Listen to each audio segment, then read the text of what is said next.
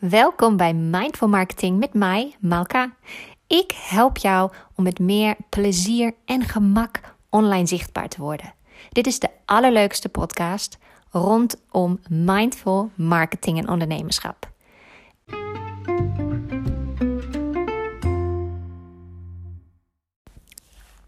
Ik begin deze aflevering met een klein verhaal.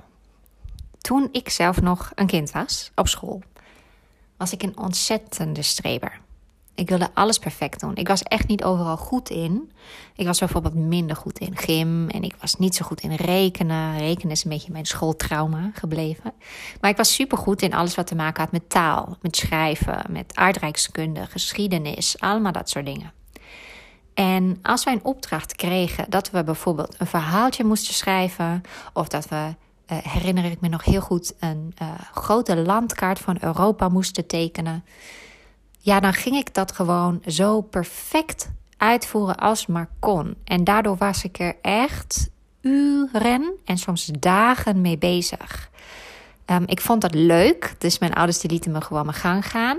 Maar het is wel echt iets wat ik me met de tijd een beetje heb moeten afleren. Want het kan je ook heel erg in de weg staan.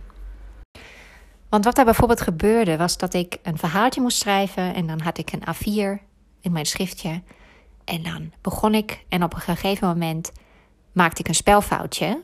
Of ik ging een letter net niet zo schrijven als ik mooi vond. Zo erg was het. Uh, als ik dan nu over nadenk, dan, uh, daar kan ik me bijna niks meer bij voorstellen. Maar als dat gebeurde, dan ging ik dus niet dat lettertje doorkrassen. Of met typex eroverheen.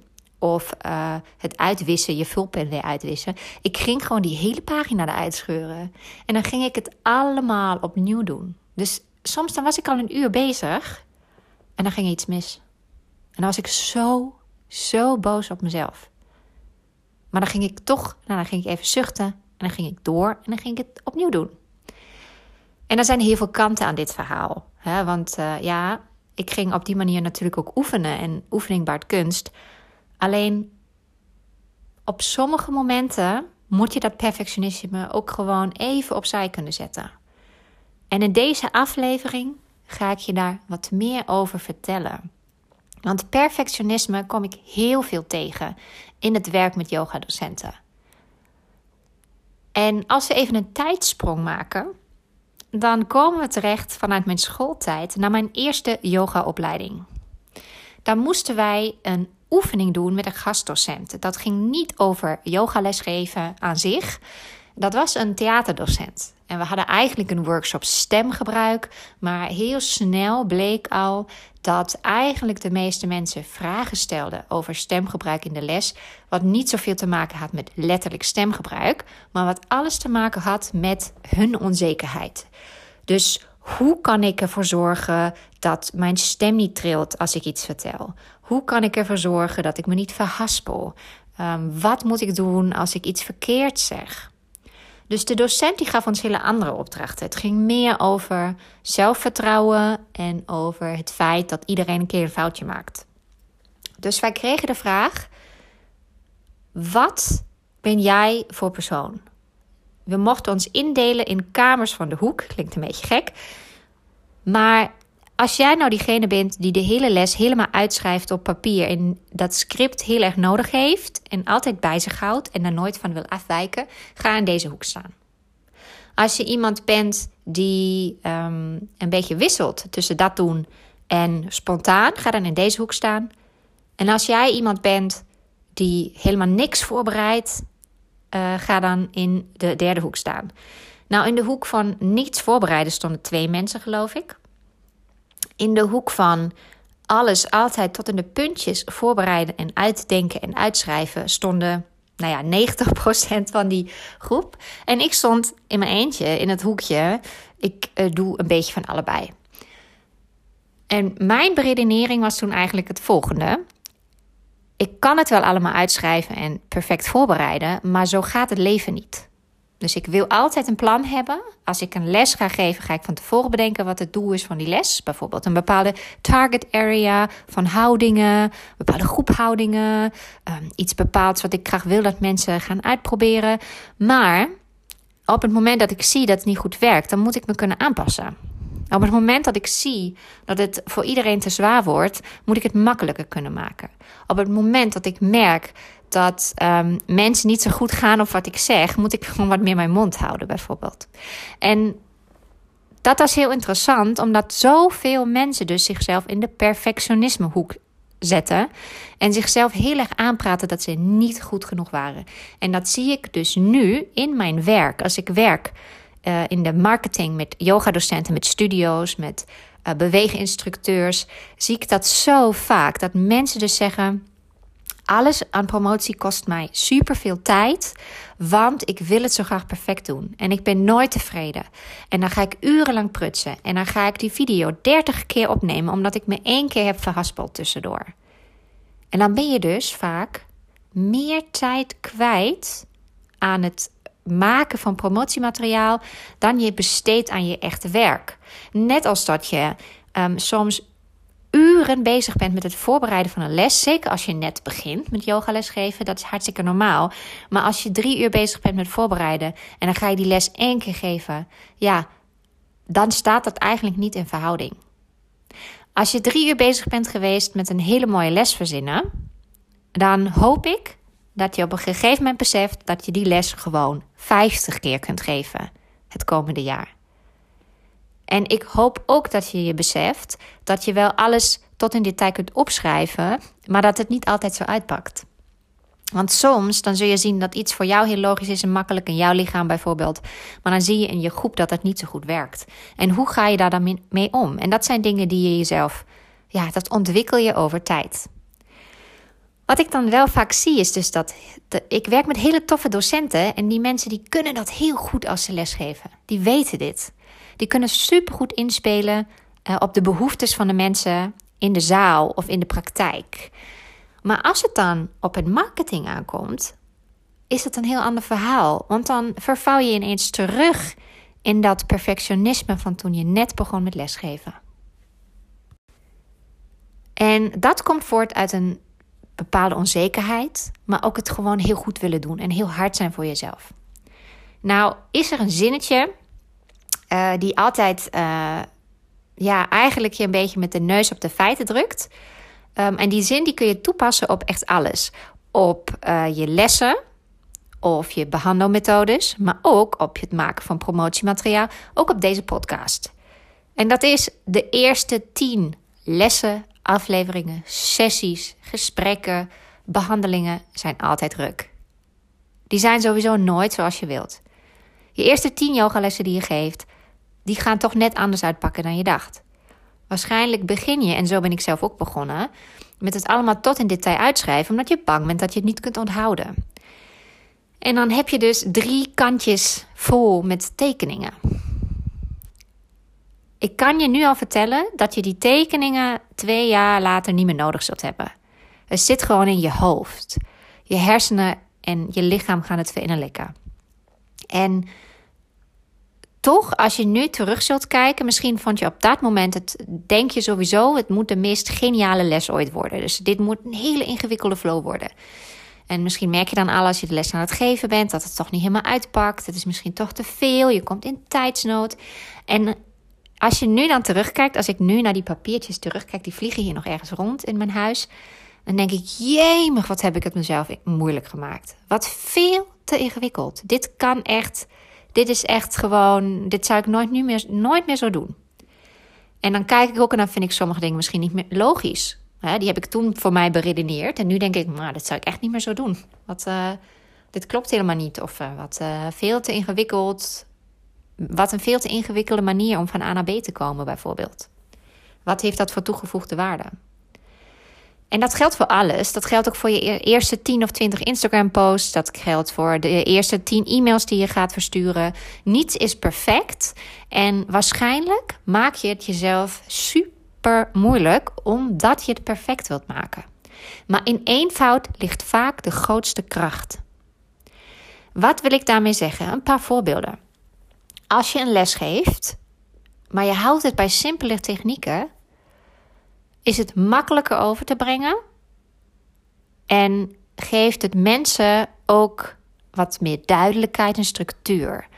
Als je die les dan drie keer herhaalt achter elkaar, kun je elke keer een elementje toevoegen. Het zorgt voor herkenning en het zorgt ook voor een leercurve. En dat betekent niet dat je nooit een ingewikkelde flow mag doen, maar je hoeft niet elke keer dat je een les geeft alles opnieuw uit te vinden. Je hoeft niet een signature flow te ontwikkelen elke keer dat je een flowles wilt geven. Je hoeft niet elke keer de meest briljante uitspraken te doen tijdens je yin-les. Soms heb je niks te zeggen. So be it. En het maakt niet uit als het een keer stil is. Hè? Je hoeft niet elke stilte op te vullen. En hetzelfde geldt ook voor je marketing. De eerste 10 dingen die je post op Instagram, of de eerste 20 dingen, die zullen waarschijnlijk te uitgebreid zijn. Uh, je gaat waarschijnlijk te veel info proppen in één stukje content. Je maakt bijvoorbeeld een slideshow met vijf slides. Uh, wat super leuk is, doe ik ook heel vaak. Maar misschien wil je wel in die slideshow um, vijf tips geven voor mediteren. En dat is eigenlijk zo breed. Dat is zo uitgebreid. Dat je al gaandeweg niet meer weet hoe je dat allemaal kwijt moet daarin. En dan ga je ook nog een hele uitgebreide caption schrijven. En dan vind je die foto eigenlijk niet mooi. En dan ga je toch nog aanpassen. En zo ben je vijf uur verder voordat je überhaupt iets hebt gepost. Maar wat als je het terugknipt? En natuurlijk doe je dat op een manier dat het past bij wat je wilt aanbieden. Hè? Er zijn heel veel tools voor, uh, dat leer ik mensen in mijn cursussen. Je kunt bijvoorbeeld kijken waar googelen mensen op. En als je zoekt op waar googelen mensen op in combinatie met mediteren, dan is het vaak wat is een goed tijdstip voor mediteren? Hoe moet je zitten tijdens het mediteren? Um, waarom is mediteren goed voor je? Uh, kun je mediteren als? Als je dan kijkt naar wat is een goed tijdstip voor mediteren, ja, daar kun je dus al een hele blog aanwijden of een hele podcast. Maar je kunt nog opknippen zelfs. Je kunt daar twee van maken. Je kunt een blog schrijven over mediteren in de ochtend. Of een uh, podcast opnemen. En je kunt een blog schrijven over mediteren in de avond. Of een podcastje over opnemen. Of twee YouTube-video's. En daarvan, als je dat weer opknipt, kun je zo tien Instagram-posts maken.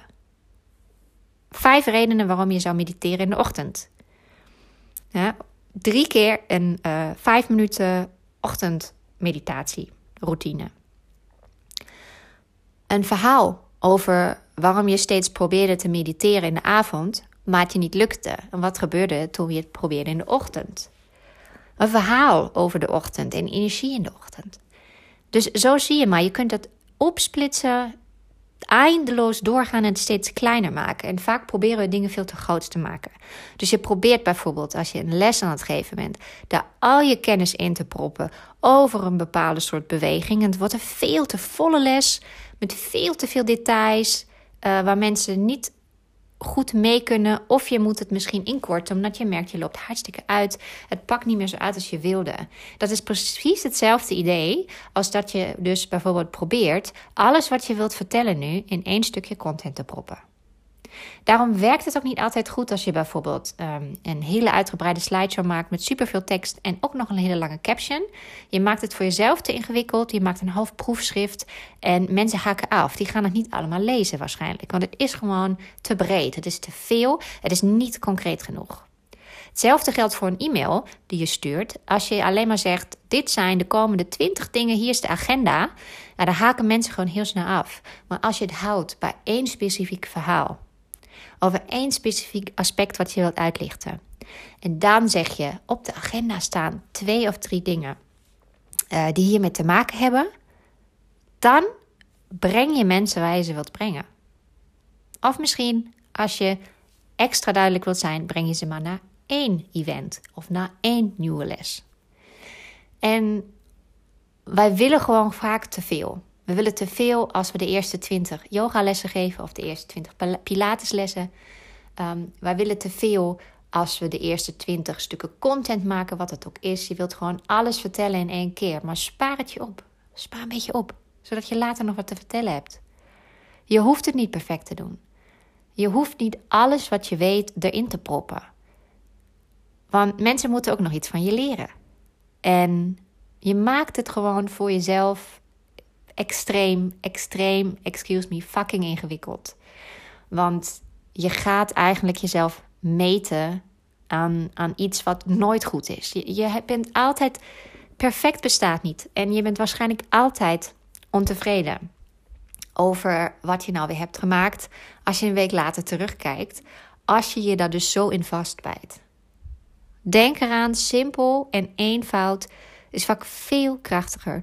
Zeker op uh, momenten zoals nu, waar wij veel prikkels binnenkrijgen. In deze wereld, hè, waar wij sowieso echt zoveel langs zien komen op social media.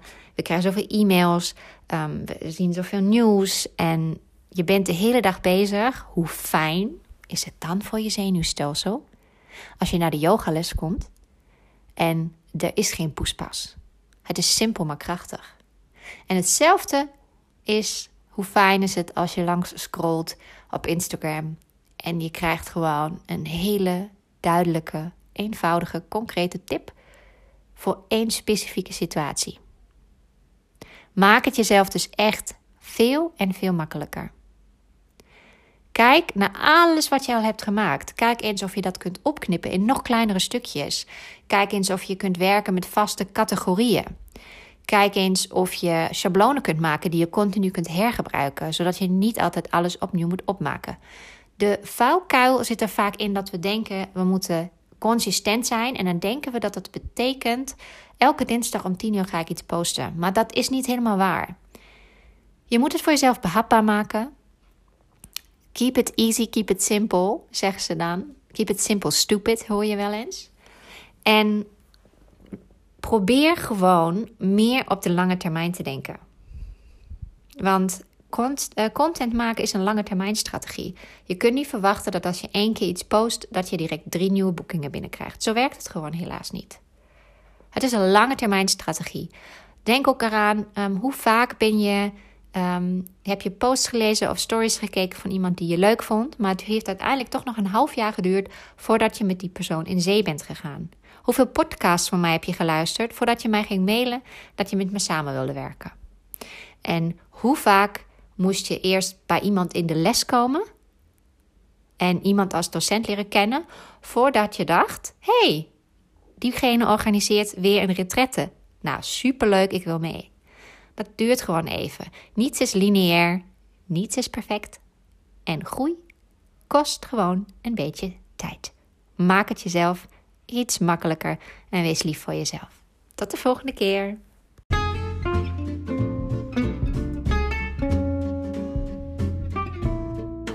En dit was weer Mindful Marketing met Malka, de podcast. Ik vind het super leuk om met jou te connecten op Instagram. Volg mij Malka op Insta. En als je deze podcast luistert en hem leuk vindt, maak even een screenshot, deel hem in je Instagram stories en tag mij ook daar. Vind ik super leuk om langs te komen zien. Tot snel, heb nog een hele fijne ochtend, middag of avond. En laat me weten of je iets hebt aan deze tips. Stuur mij een berichtje op Instagram. Ik spreek je snel. Doei doei!